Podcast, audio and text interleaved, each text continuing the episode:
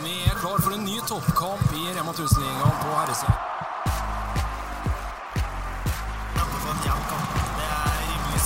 De legger opp det sjøl, de må være på.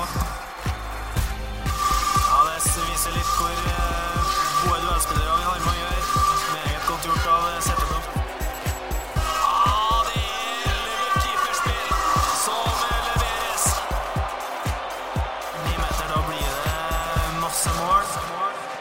vi er fortsatt i sluttspillmodus her eh, hjemme. Vi har akkurat opplevd at Vipers Kristiansand har tatt sin tredje Champions League-tittel eh, på rad.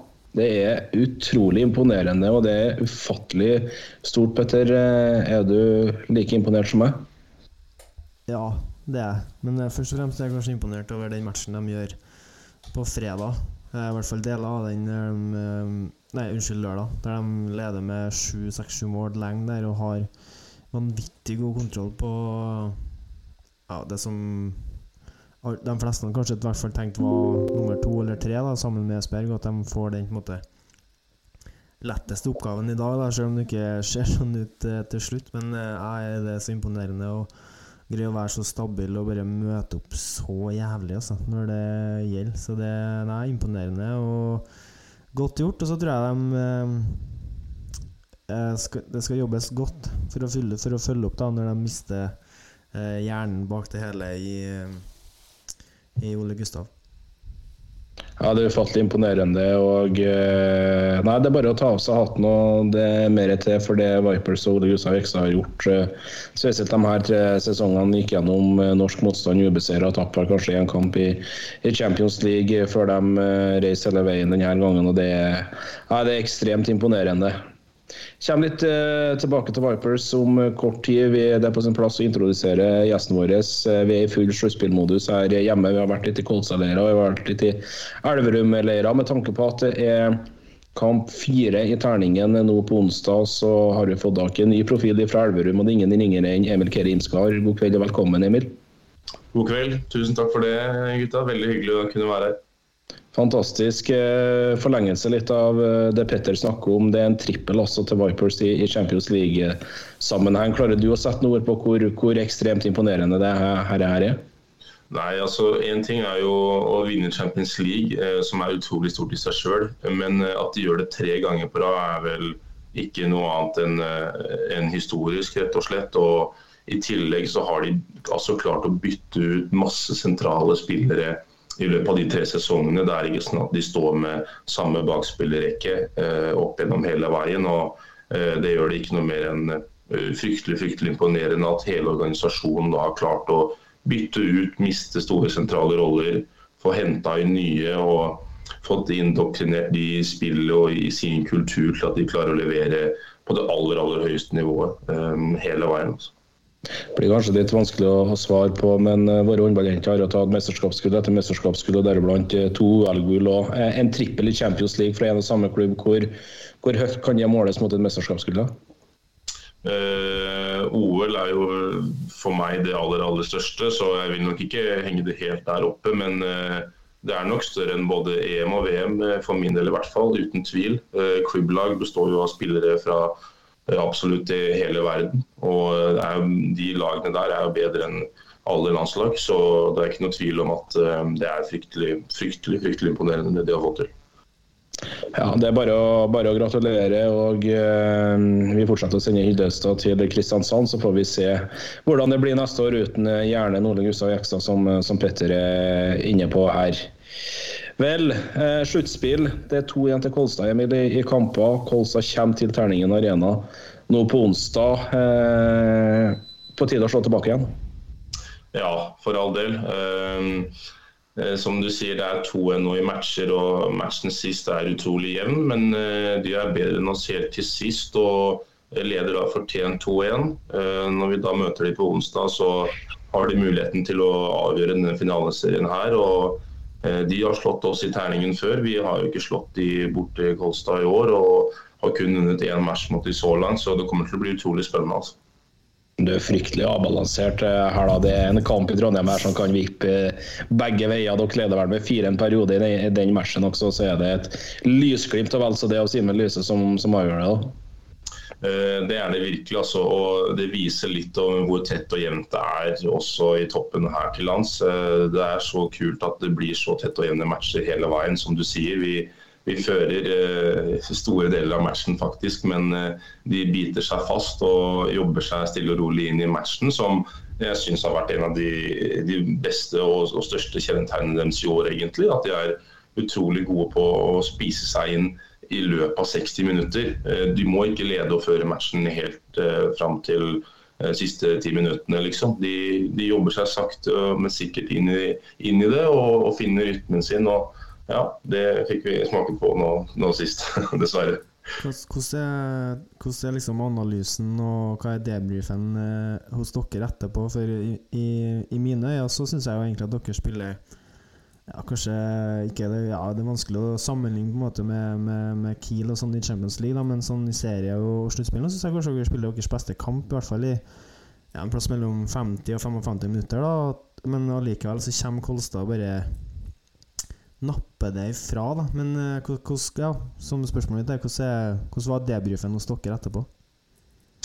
Uh, nei, vi var jo alle sammen veldig skuffa, egentlig. Som du sier, vi gjør nok eh, med Kiel en av våre beste matcher denne sesongen her. Det er, det er helt, helt enig i. og det er mye marginer på slutten. Det er eh, et par løse baller der som de har, men som likevel ender opp både hos eh, Gullerud og eh, hos Marason til sist. Så det er liksom på håret hele veien. Men det viser at vi er med absolutt hele matchen. Og da er det en mulighet for at de marginene kanskje er mer på vår side på onsdag. Og da kan det hende at vi står der med 2-2. Eh, Men eh, den matchen skal også spilles, og ballen er rundt, selvfølgelig. Hjemmebanefordelen her, Emil, har vist seg nå at det er hjemmelaget som vinner hjemmekampene sine. Hvor, hvor stor fordel er egentlig det, det er oppi det her? Eh, nei, altså nå når vi skal spille hjemme, så er jo det kjempefordel for oss. Eh, publikummet vårt har vært fantastisk den eh, første matchen og egentlig gjennom sluttspillet. Eh, nå i år har det vært eh, en helt annen trykk rundt sluttspillet også, egentlig. Det har selvfølgelig alltid vært bra i Elverum. Vi har en god historie på trykk i sluttspillet, men nå er det noe helt annet eh, med Kolstad. Så eh, hjemmebanefordel har mye å si. Eh, vi har ikke klart å slå Kolstad borte enda i år. og eh, så langt så holder det jo den rekorden, og det viser jo at hjemmebanefordelen er, er superviktig. Hva synes du om atmosfæren og på en måte ramma som er i Kolstad Arena nå, nå sist? Eh, Jeg syns det er bra. Eh, Når vi møtte de i Spektrum eh, på høsten i år, eller i fjor vil det jo bli, så Det sekundet når Torbjørn tar den straffa til Tobbe, da husker jeg at jeg blir stående og måpe og bare se rundt meg, for det er det sykeste jeg har opplevd innenfor norsk eh, herrehåndball noensinne. Det var helt vilt. Det var helt vilt. Og Kolstad er, Kolstad er selvfølgelig mye mindre da, enn Spektrum. Eh, men eh, sammenligna med tidligere i år, så er det ikke noen tvil om at det er det beste det har vært eh, der nå. Ingen tvil. Og fortsettelsen på det her eh, Kolstad-prosjektet. Det kommer tre landslagsspillere neste år. Eh, Hvor langt kan det nå?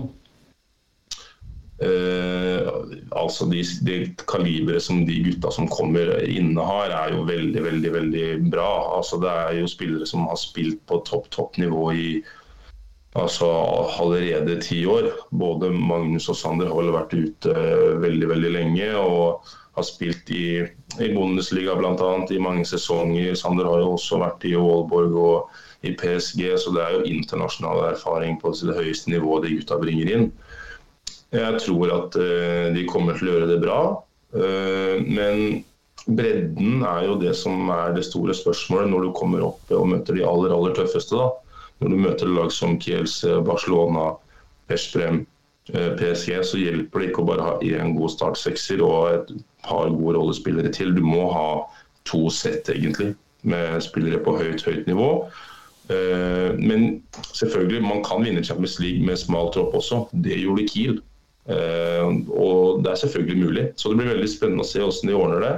Eh, så må man jo håpe på at for dems del at de klarer å ikke bruke så mye krefter i den hjemlige serien, kanskje.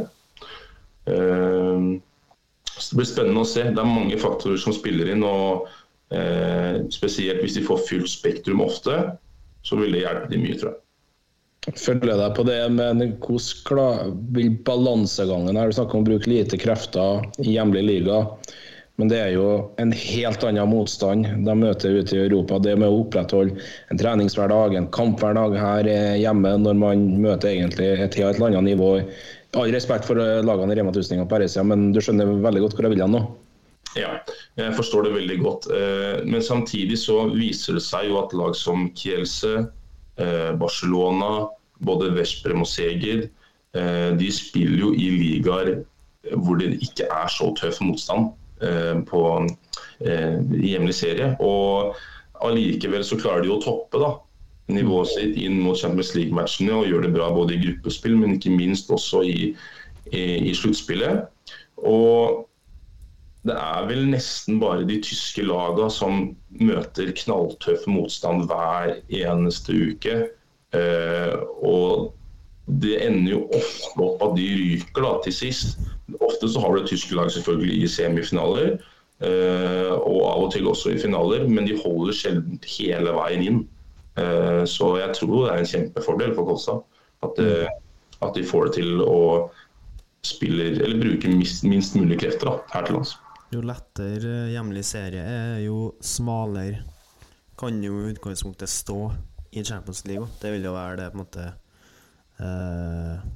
clouet, eh, tenker jeg. At jo, jo, jo, jo bredere dem Eller jo, jo mindre spilletid Sander og Magnus og Gøran har i, i hjemlig serie, jo mer vil de jo kunne stå og banke i Champions League. Og så handler det jo om å ha alle skadefri mot slutten av eh, sesongen, sånn som de har mer eller mindre i år. Og det er ikke sikkert at det er like enkelt med, med mer spill i, i, landslaget for dem som skal stå i Champions League, da, og, og også den her Champions League Ja, den belastninga det er. Så det er jo like, på en måte Når du skal stå smalt, så er du jo mye mer utsatt for skader.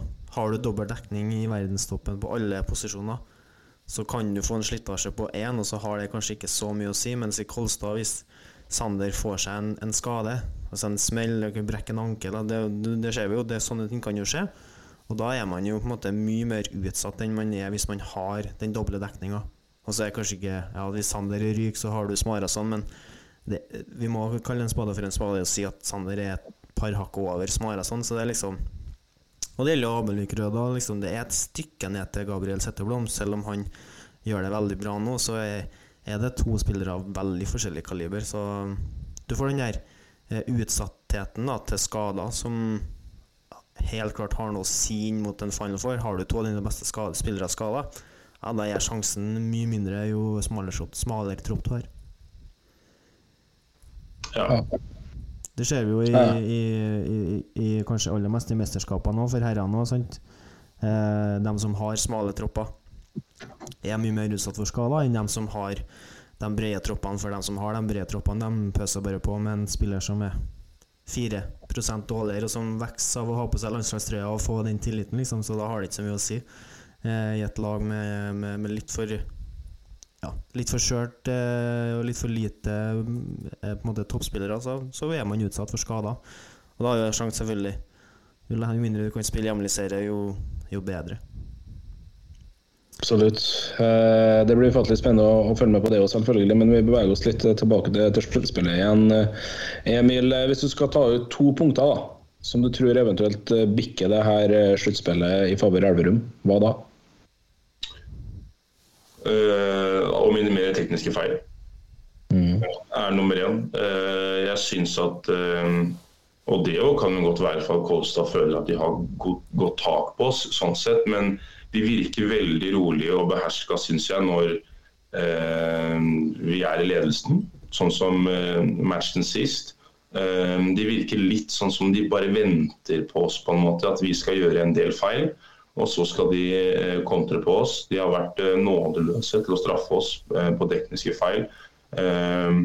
Og For vår del tror jeg mye av nøkkelen ligger der. Samtidig så må vi jo fortsette å, å rett og slett klare å stoppe Janus. Um, utvilsomt uh, ligaens beste spiller i år og viser hvilken kvalitet han innehar. Altså. Syns han har vært uh, veldig, veldig bra. Veldig bra. Hvordan er det å være uh, målvakt, keeper, i en sånn finaleserie når der alle snakker om hvor viktig målvaktspillet er? Det er jo ikke noe annet enn eh, gøy, egentlig. Jeg får jo muligheten til å vise meg fram eh, mot eh, topp nasjonal motstand som vi ikke har hatt på samme måte før. Og i tillegg så er jo vi i år underdog, og da blir det Man blir jo satt under enda større tvil, da. Det er jo enda flere som har tvil på oss i år enn noen gang før. og skal de klare å slå tilbake, gått på mange smeller i serien, ble utklassa i cupfinalen. Eh, Så nei, jeg syns det er veldig veldig gøy egentlig at vi nå kan vise at eh, vi har tatt steg, og at det allikevel er så jevnt som det er nå. da. Eh, og da i tillegg å skulle stå bakerst der og ha mye ansvar, det trives jeg veldig godt med egentlig. Jeg syns det er veldig gøy. Er det vondt å lede keeperduellen med Bergerud, Torbjørn Bergerud, og likevel ligge under i antall i kamper? Eh, ja, det gjør vondt å ligge under uansett, egentlig, om jeg er leder eller ikke.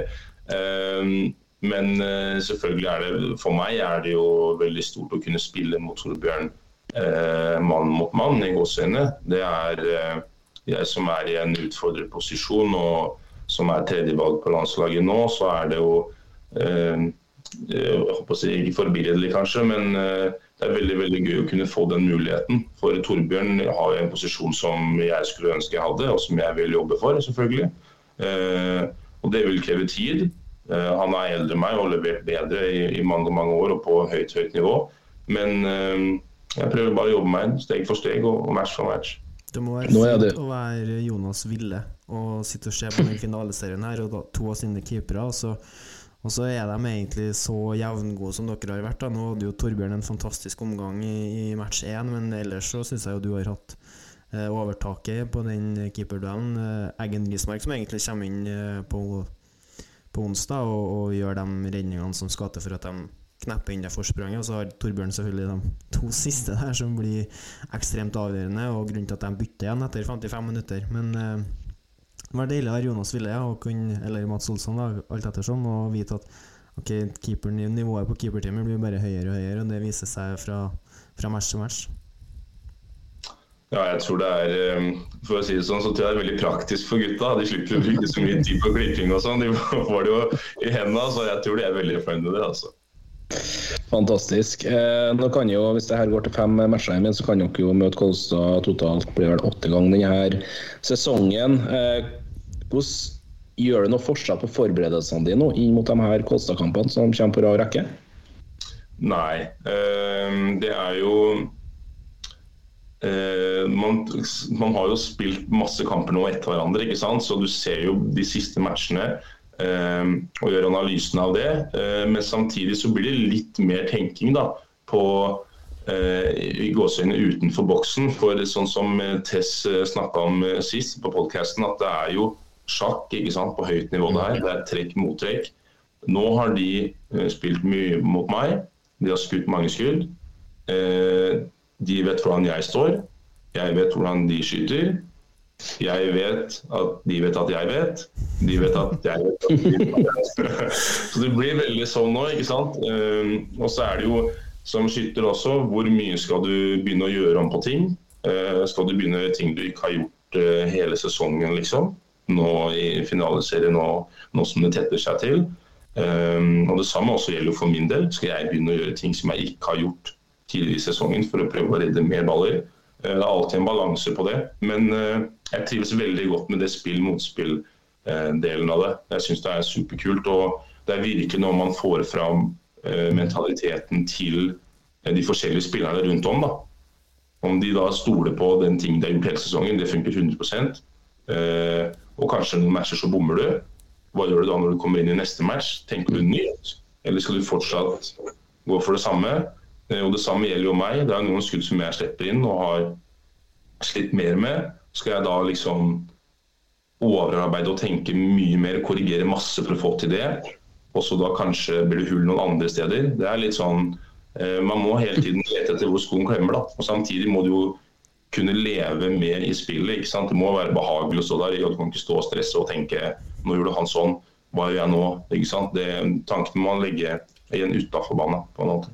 Er to, eh, jeg to ting egentlig, men jeg tar det første først. eh, Og det er eh, sånn som eh, Adrian Aalberg, da, som egentlig er en strålende skytter. Og som han viser gang på gang da, i, i år, visst gang på gang at han kan ha litt uh, bomskudd, og så henter han seg mest til inn. Og vi, altså, han har en, klasse skuddarm. Eh, den duellen på en måte som du får mot en sånn spiller, da, uh, og som du egentlig har tvunget til benken uh, Hvordan er den følelsen, og, og tenker du noe Tenker du, altså, hva, får du hva får du igjen av det? Er det noe du tenker på, eller er det sånn Det er deilig der og da, men så går du bare videre?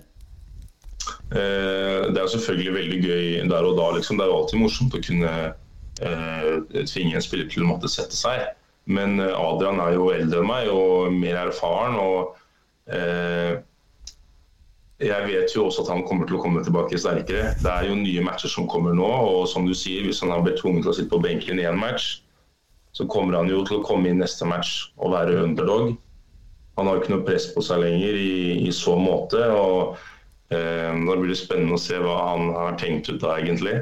Eh, eh, jeg ser fram til det. Og det er jo noe av det som er gøy, da.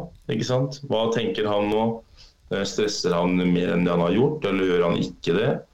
Eh, har han sett på sine skudd om igjen, liksom? Det er noe med det, og hvor mye tid de skal legge ned på det. For det er ikke, det er ikke nødvendigvis vanlig at folk uh, skyttere gjør det. Um, men uh, ja. Det får være opp til de, da. Men- Jeg får ikke gjort mye annet å vente på ballen. Men vet du da på en måte at når du, når du på en måte går inn i For sant, førstekampen så, så bomma han en del og måtte gå av etter 40-45 og sånt. Sander Rønning spilte siste, siste Jeg kommer ikke helt på det i, i match to. Det, men jeg tror ikke han spilte hele den heller. Det var noe, også i, i tredje kampen Nordkast Arena så spilte han jo nesten bare halve kampen. Sander Rønning spilte jo mye av andre gangen.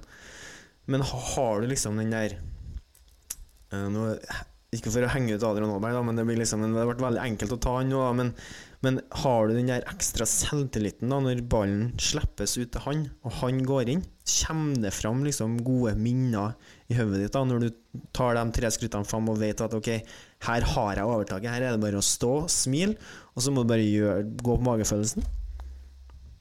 Nei, altså det, det er jo sånn med da, forskjellige spillere utom. Man har jo bedre feeling på noen enn noen andre.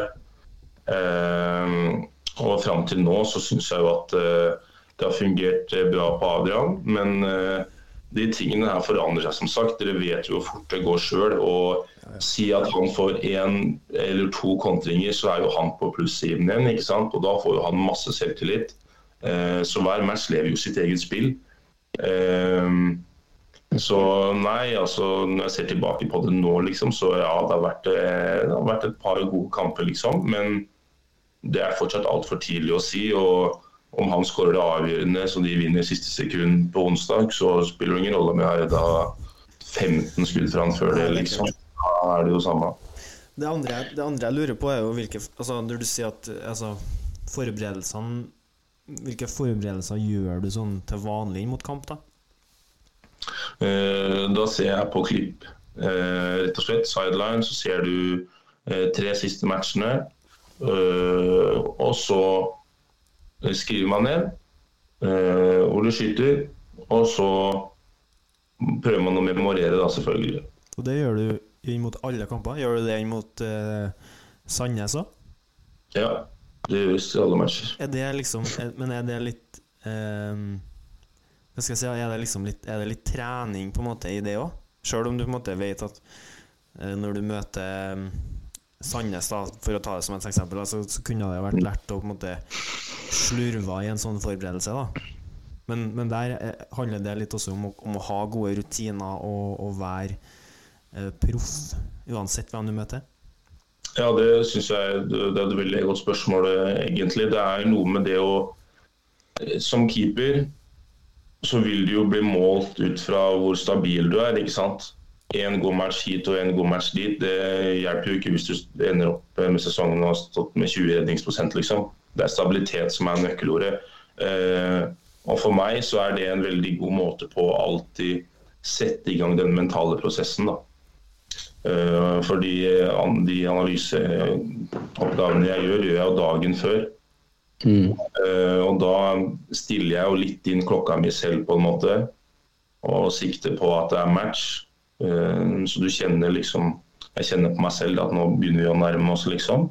Uh, og du må alltid, hvis ikke du er villig til å legge ned jobben mot de gode laga, nei, mot de dårlige laga, men bare mot de gode, så vil du jo hvis du er fryktelig heldig, da, så har du bare 50% av alle matchene i løpet av en sesong hvor du er god. ikke sant? Uh, og det hjelper jo ikke hvis man vil vinne titler. Men ser du du sier ser de tre siste kampene, ser du hele kampene, eller er det klipp dere har tatt ut fra de tre siste kampene? Da klippes det så jeg ser skudd, bare. Ja, riktig. Eh, litt om eh, samarbeidet med keepertrener Mats Olsson. Kan du si litt om hvordan dere jobber sammen inn mot å kartlegge motstander? Uh, Mats er jo ikke her så ofte i Norge, så det er jo mest uh, jeg og Simon som går gjennom uh, mønstrene som vi har sett sammen. Diskuterer alltid på morgenen på kampdag. og så får vi tilsendt videoklipp etter hver match av Mats med ting som vi burde gjort bedre. da, ikke sant? her kommer det et skudd fra linjespilleren. Du blir stående for langt inne, da, f.eks. Eh, så da er det masse klipp som vi da må se gjennom. Eh, og når han kommer, så gjør vi også det samme. Da ser vi gjennom klipp fra de siste matchene. Eh, og så er det spesielle punkter som vi da har jobba med, som vi da sjekker om har blitt bedre eller dårligere, og hvordan vi skal justere ting. da. Mm. Spennende. Og så er det også, Nå har du jo vært litt sånn med Friis, Misera inn nå før denne sesongen. Hvordan er det å få ny makker? Eh, veldig interessant. Eh, for alle målvakter og personer har jo sin egen personlighet og sin egen spillestil. ikke sant? Eh, og forskjellige måter de tolker de forskjellige situasjonene på. Og også forskjellige måter som de vil samarbeide på. Noen vil jo ha masse feedback, noen vil jo ikke ha noe feedback. ikke sant? Jeg har jo stått med Morten også. Han vil jo veldig gjerne kjøre sin egen stil, på en måte. Mm. Mens eh, med både Friis og med Simon så har de vært veldig gode sparringspartnere. Synes jeg er veldig gode til å diskutere ting, situasjoner.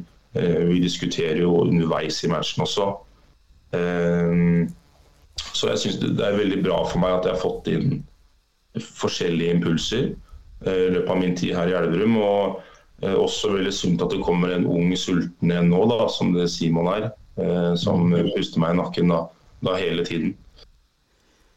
Har du noe Spennende. kontakt med Friis, eller? Han var jo eh, BB nå i, i går mot, uh, mot Skjern for sitt Fredericia og holder på å skal slåss med en bronse. Har stått en uh, veldig god sesong i, i Danmark. Uh, nei, jeg har ikke snakka så mye med Torsten, egentlig. Men det er jo fryktelig imponerende det han har gjort. Og han var jo helt rå på sjumeter i starten av sesongen. Og han hadde jo over 50% på straffe, liksom. Så det, vært, det, er veldig tydelig at det var veldig riktig valg for han å komme seg hjem igjen til Danmark. og Jeg er veldig glad for det. Uh, og så er det også superkult å se da at han er så god mot, mot uh, Simen og, og Skjær nå, uh, når det tetter seg til i bronsekampen der også. Det var vel mange som hadde trodd at uh, Skjern skulle ta den bronsen ganske greit, men de er harde å knekke altså, på hjemmebane Fredricia. Ja, det, det er gøy. Um, bare sånn sammenligne Du forteller jo godt om hvordan det jobbes liksom, i, i hjemlig serie og når du er hjemme med Simon. Og, men uh, i mesterskap, da, der er dere jo uh, Dere er jo tre målvakter. Dere var i hvert fall Jeg vet ikke om det alltid er det, men dere var det nå. Og så er jo uh, Steinar Ege som er ansvarlig for dere, ikke sant?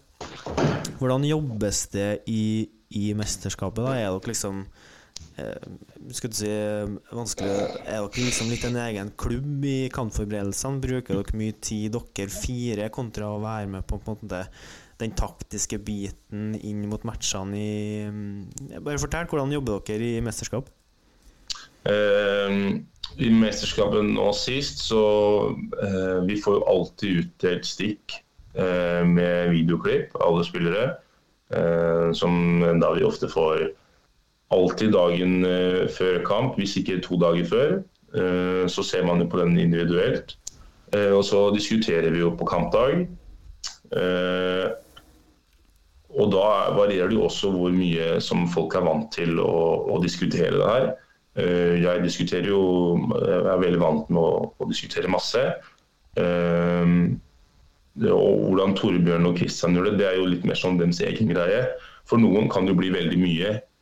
Eh, Og det med sånn analyse er jo Man ligger jo ofte på kanten mellom at du skal tvinge det fram. ikke sant? Hvis man står og nitenker på OK, høyrebekken gikk inn og skjøt dit sist. Da skyter han ofte andrehjørnet etterpå. Hvis du blir stående sånn i matchen, så klarer du ikke å leve deg inn i det. Så det er begrensa hvor mye input som hver enkelt person vil ha. da. Ehm, og jeg tror kanskje Kristian og Torbjørn ikke vil ha like mye som meg, og det er jo en eh, helt fair sak. Og det har jo de snakka om både med, med Ege og, og meg, og da er det greit, liksom. Da gjør vi ikke det like mye, da. Mens jeg, som da vil ha mer, da, da kan jeg heller bruke mer tid på å diskutere med Steinar, liksom. Eh, Så da tilpasser vi litt individuelt. Um, Og med laget så eh, både to Alltid når vi går gjennom forsvarstaktikk, så er vi med. Og om det da skulle komme opp spørsmål rundt forskjellige situasjoner, om man vil ha en høyre kant, ikke sant? eller om man vil prioritere en høyre bekk på utsiden, eller sånne ting, så har vi jo alltid, da får vi jo stilt spørsmålet, da. Og så sier man jo det man føler seg komfortabel med. Uh, interessant. Uh, det- det er. En, en ting til, da, i, i den forlengelsen der, så når du sier liksom uh, om, du vil slippe, om du vil slippe høyre kant, eller om du vil slippe utside to, da. Altså utside av nest ytterste mm, eh, forsvarsspiller mellom kant og back, da, som, for å dumme den litt ned, for alle som ikke er helt er med på den tellinga der. Men det, har dere diskutert det i keeperteamet, da, eller er det på en måte Jeg vet altså, jo, altså, Torbjørn er jo kanskje et klart førstevalg, og så var Kristian ganske nære egentlig i mange kamper nå sist. Men er det noe dere har blitt enige om og har sett at ok, det er faktisk bedre? ja? Eller er det ren statistikk, eller handler det om ok, vi vet at Torbjørn skal, skal begynne, så da, så da er det det vi går for? Eh, Det tror jeg egentlig er veldig veldig individuelt basert, egentlig. Eh, Torbjørn f.eks. har spilt i Bundesliga. Eh, det har også Christian gjort. Eh, og da har, du jo, jo en feeling på mange av de spillerne som har spilt der, da, blant annet. Mm. Jeg har jo ikke spilt i Bundesliga, f.eks., så jeg vet jo ikke så mye om de gutta som kommer eh, eh, på det tyske landslaget, f.eks. Eh, Så der tilpasser man jo individuelt. Jeg tenker jo at det er den beste ideen, egentlig. For eh, ja, alle har sin egen oppfatning av de forskjellige spillerne. Og da er det beste det er kun en som kan stå i mål av gangen. Ja. Har dere, gjør dere og, eh, gjør dere og justeringer på, måte, på sånne ting underveis i match? Det kan jo gjelde både For Den diskusjonen her har du jo både i klubb og i landslag. Uh, nei, vi slipper, vi slipper utsida to istedenfor kant. Men hender det seg at man nå gjør justeringer du sier at ok, ja, nå, nå, tar, nå tar jeg ingenting på utsida to, så da vil jeg heller at kanten skal, skal få avslutte. Hender det at du gjør sånne justeringer med da backen din som står fremfor deg? Ja, det er superviktig det å kunne tilpasse seg. Eh, Forsvarsspillet må være dynamisk hvis det skal eh, fungere på høyt nivå. og det er jo sånn at det, det oppstår jo ikke én situasjon Det er aldri to like situasjoner i en håndballkamp. De kan være like, ganske like, men de er ikke akkurat helt like.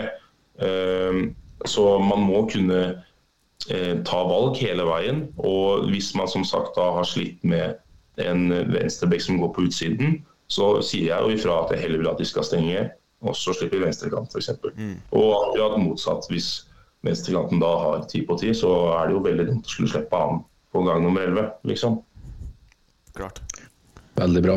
Eh, fortsatt litt tilbake til sluttspill. og eh, presiserer det at all respekt til alle andre keepere i, i Rema 1000-ligaen, men eh, det er ikke å stikke under en stol Emil, at eh, det er sluttspillduellen mellom Elverum og Kolstad peker mye på deg og Torbjørn Bergerud, målvaktsduellen. Eh, hvor mye tenker du på at det er Torbjørn Bergerud på en måte du konkurrerer med? Skulle ikke si eh, kontra f.eks. andre keepere i Rema 1000-ligaen?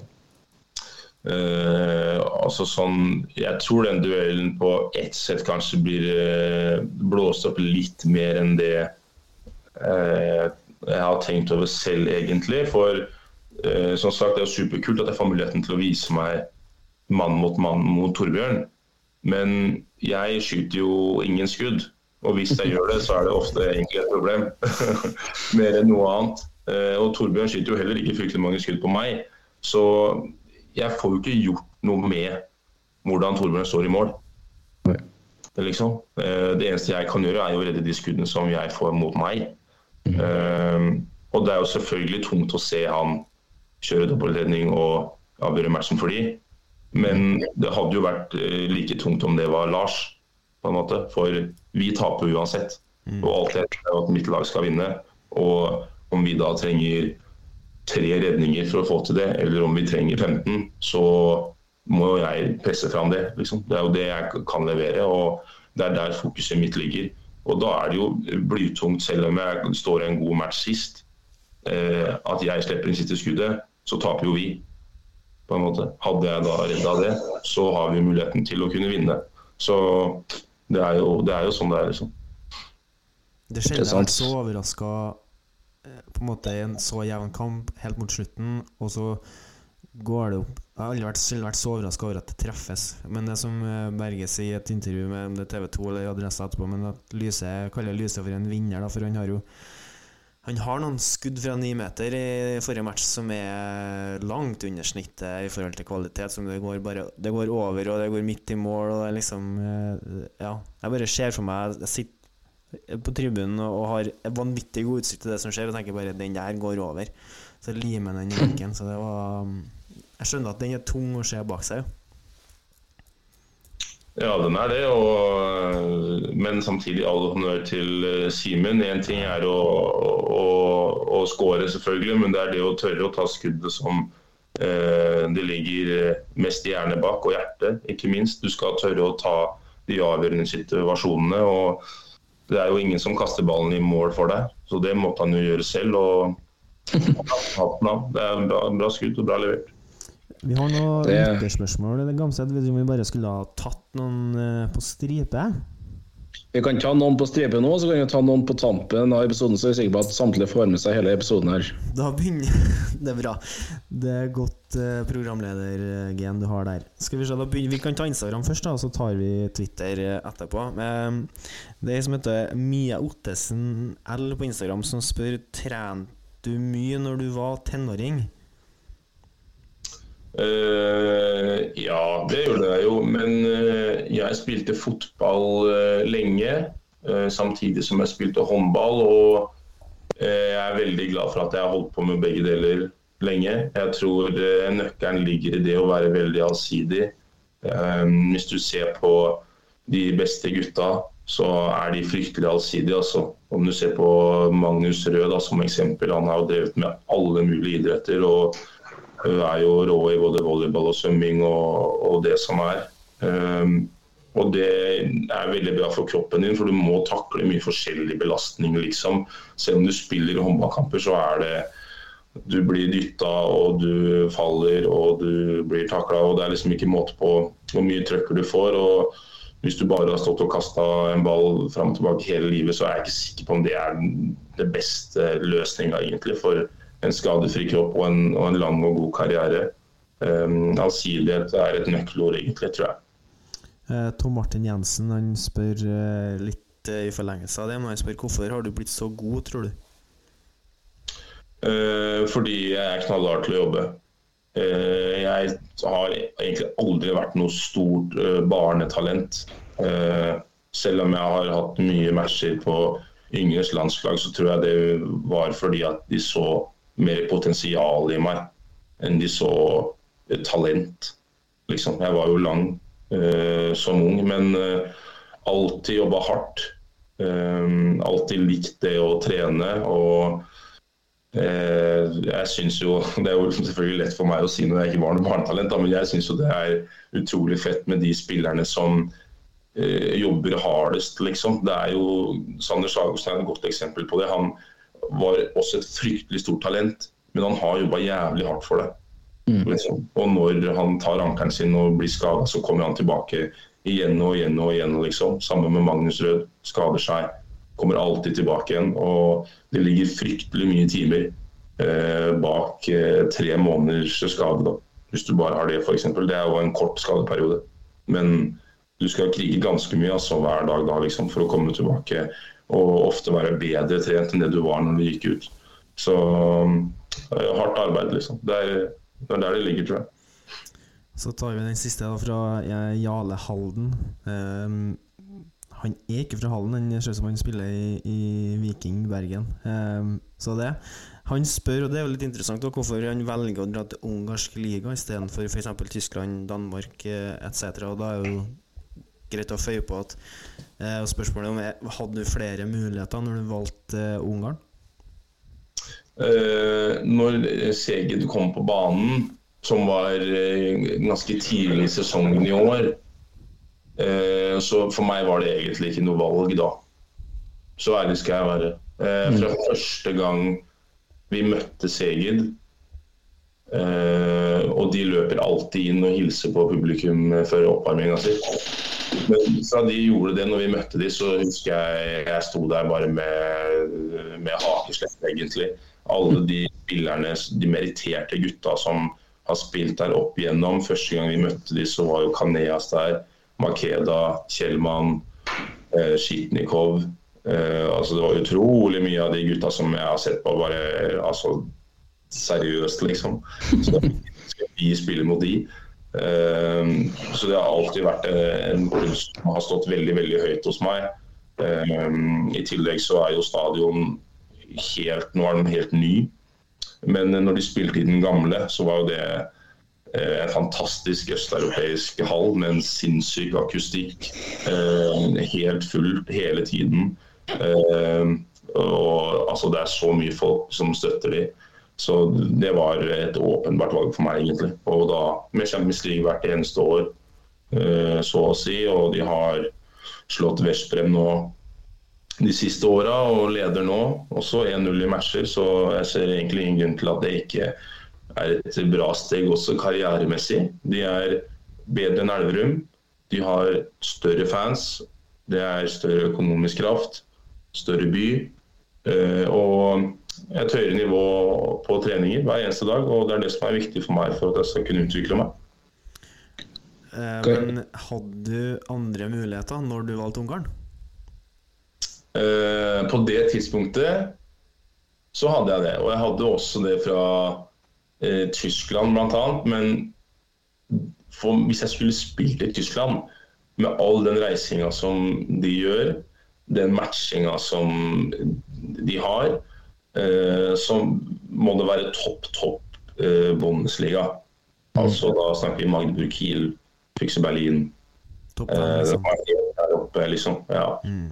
Eh, og når det ikke var de på det tidspunktet, så eh, da var ikke det stedet jeg ville dra. Jeg, det er veldig viktig for meg at man eh, også holder seg relevant på en måte. Det er jo tungt når det er en så stor liga som det er i Bundesliga, og man ikke kjemper for å vinne, og man heller ikke kjemper for å rykke ned, så er det veldig mye rom mellom der. altså.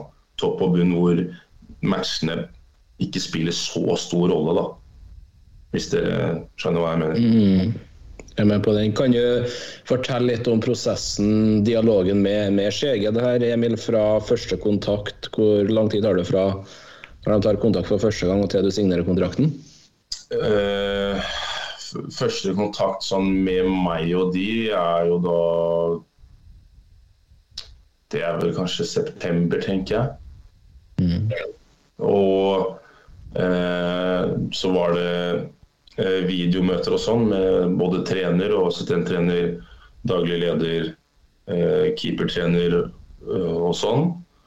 Eh, hvor de sa de var interessert, og det var meg de ville gå for. og eh, eh, Da ble jeg selvfølgelig glad, liksom. Det var ikke så mye, mye å legge skjul på da. Eh, så var det mye fram og tilbake, selvfølgelig. Det, jo, det er en del betingelser i den kontrakten som må forhandles fram.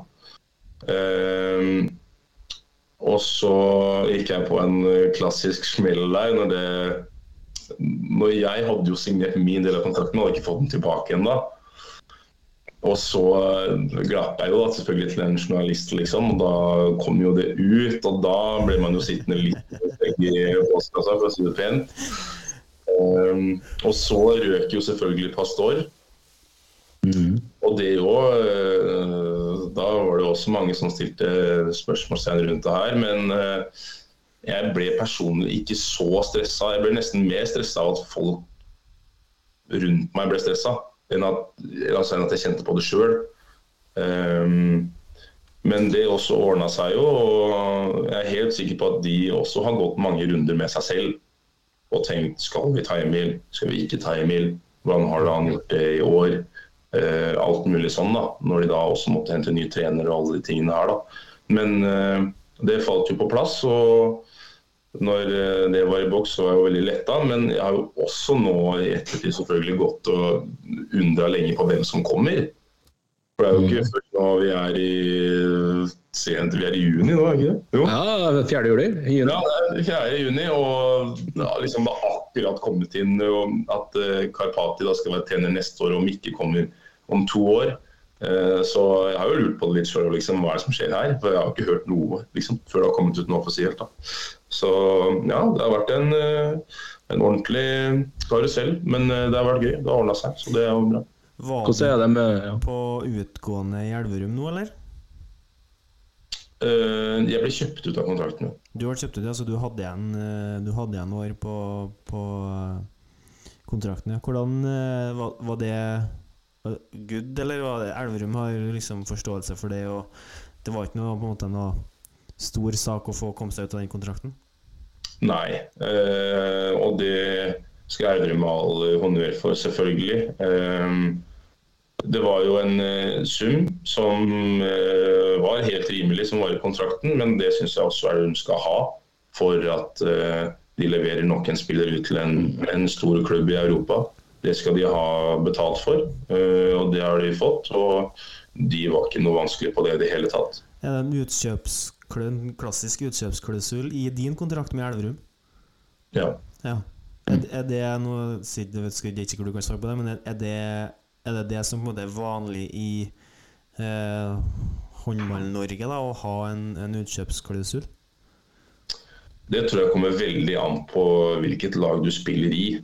Eh, vi har jo da spilt på det høyeste nivået nå i mange mange år, men vi vet at vi ikke er øverst på, i næringskjeden. Og vi lever av å kunne fostre opp unge norske talenter, eller talenter generelt fra Skandinavia og, og rundt om. Og så sender de ut videre, og da er det helt naturlig at man legger inn en eh, klausul. Det er jo eh, mest praktiske måten å løse det problemet på, egentlig. Det er kanskje litt er det? underkommunisert eh, Det er kanskje litt underkommunisert sånn i forhold til hvordan man gjør det i fotball. Da, for der er det liksom Det er så sykt mye snakk om de her utkjøpsklausulene i fotball. Men eh, der er jo klart overgangene er mye cleanere i fotball. Da, fordi det eh, avtalen blir gjort, så blir jo utøveren kjøpt. Sånn er det jo veldig sjelden i håndball. Der kan jo signeres kontrakter både to og tre år eh, fram i tid. Så det er jo klart, men jeg er helt enig med deg at Elverum skal jo ha betalt, og det er viktig at de da legger inn eh, klausuler som en de får betalt for, men òg at det på en måte er mulig for, for talentene til å ta, ta det skrittet videre. At det ikke på en måte blir for dyrt. Da. Ja.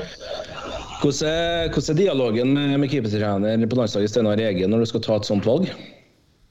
Uh, Jeg snakka ikke så mye med Steinar i forkant av det eh, valget. Eh, jeg forhørte meg med han én gang, og han var positiv til det. Eh, og det har Jonas eh, vært også. Eh, og alle de som har forhørt meg om rundt i, i håndballmiljøet, egentlig. For du er jo ofte litt sånn Jeg vet nødvendigvis ikke så mye om hvordan Seg som klubb drives, eh, liksom. Men alle de som jeg har forhørt meg med om, om rundt det, har vært veldig positive hele veien. Det har kun vært positivt utelukkende. Og det har hjulpet meg også til å ville ta den avgjørelsen. Eh, men eh, som du sier, det er jo viktig at eh, landslagsledelsen nå er involvert, tenker jeg, hvis man har store ambisjoner om å spille på, eh, på landslaget. Mm er veldig interessant å høre om. eh, Når du reiser nå da, til Ungarn etter hvert, her, Emil, hvordan er det med, med plass å bo? Er det rett på hotell, eller har du folk som sonderer litt leilighet osv.? Hva, hva er greia? Jeg skal ta over leiligheten til Blons. Det skal selvfølgelig, ja. Ja, så han har jo egentlig gjort all den jobben for meg der. Eh, sånn sett. Eh, Så det er veldig praktisk. Veldig Ja. Det, det, det er kjekt at det blir lettvint sånn å slippe å å tenke ekstra på det når man forhåpentligvis drar det ut i fem sluttspillfinaler her hjemme. og Så skal vi sikkert på en måte prøve å ha en liten miniferie da, før, det, før det drar seg til igjen. Så det, ja, det er bra. Eh, vi begynner å nærme oss eh, 60 minutter her, men eh, ja, litt eh, Den beste keeperen i håndballverdenen akkurat nå, eh, som Emil ser det, hvem er det? Eh, Den absolutt beste Da blir jeg egentlig nødt til å si eh, det var Egas, tror jeg. Eh, ja, han er helt rå. Han er, han er ikke så stor, men han viser en ekstrem uh, spillerforståelse, egentlig, når du uh, Jeg er helt overbevist om at de spillerne, uansett idrett, som er best og spiller på det høyeste nivået, de forstår spillet bedre enn alle andre. Eh, og det er grunnen til at de lykkes så godt. De kjenner igjen mønstre, og, og når matchen eh, pågår, hvordan ting forandrer seg og, og sånn. Og han er jo helt rå på det, syns jeg. Uh, han, er, han er nummer én for meg. Jeg skjønner det. Eh, hvis du skal sette- eller ta ut én spiller da, i hjemlig liga som du på en måte ikke har fått taket på, som du på en måte har frustrert deg mest i en, i en match, hvem er det? Godt spørsmål. i, kun, I kun én match. Ja. Uh, nei, det er et godt spør- det er et godt spørsmål. Altså. Det er mange spillere opp gjennom her. Over, Men over eh, tid, da, hvis det er lettere å svare på det, for det er jo Det var litt artig å vite òg. ja, det er også litt artig. Eh, jeg har jo slitt eh, en del med Gabriel, faktisk. Setterblom. Har vært god nå i finalespillet, syns jeg, og vært veldig vanskelig for meg å stoppe. Eh, samtidig så eh, vil jeg si kanskje Kanskje Simen Søgaard faktisk i fella mi. ja. Han har vært, vært god, syns jeg, nå, Ja, nå sist. Så det er vel kanskje de to jeg vil dra fram. Det er kult. Det er kult.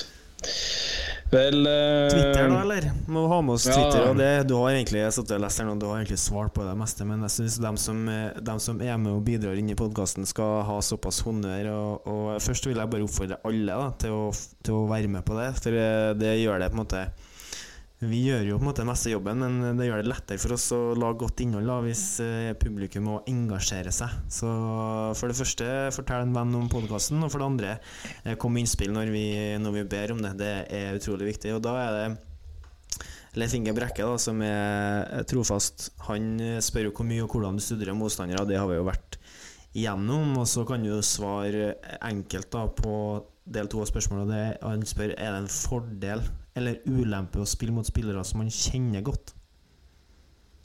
Um, Og at de samtidig kjenner deg godt. da ja, som Ole Erevik eh, har sagt eh, på Viasat der i alle åra, så er jo det en keeperfordel. Og det tror jeg også det er. Eh, samtidig så er det det som jeg syns er vanskeligst med det, er det å balansere seg emosjonelt, liksom. For når du møter noen som du kjenner godt, så vil du ofte gjerne ta de mer enn de du ikke kjenner så godt. Du har ekstra lyst til å ta eh, spillere som eh, Sigge, da, f.eks. Jeg har spilt med Sigge nå i, eh, i flere år. Eh, og når han da er god, da, så blir det jo enda verre, liksom. Da blir man ofte veldig sånn jagende, liksom. For da må du liksom ta igjen dobbelt så mye hver gang da han kommer. Så skal jeg liksom redde to baller. Og det går jo ikke. Ehm, så det er nok der utfordringa ligger, tror jeg. Men eh, jeg vil også si at det er en fordel å være i målvakt. Siggen som i Sigvaldi, da, eller? Sigge er Sigvaldi, ja. Det er helt riktig. Kan du ha en gøy historie bak, den, eh, bak det kallenavnet der, eller? Det er litt utypisk å kalle en håndballspiller for Siggen, eller? Nei, men det er ingen N til sist, det er bare Bare Sigge. Sigge, ja. Ok. Ja, det er bare Sigge, ja. Så Sigvaldi helt naturlig at det blir Sigge, da. Liksom.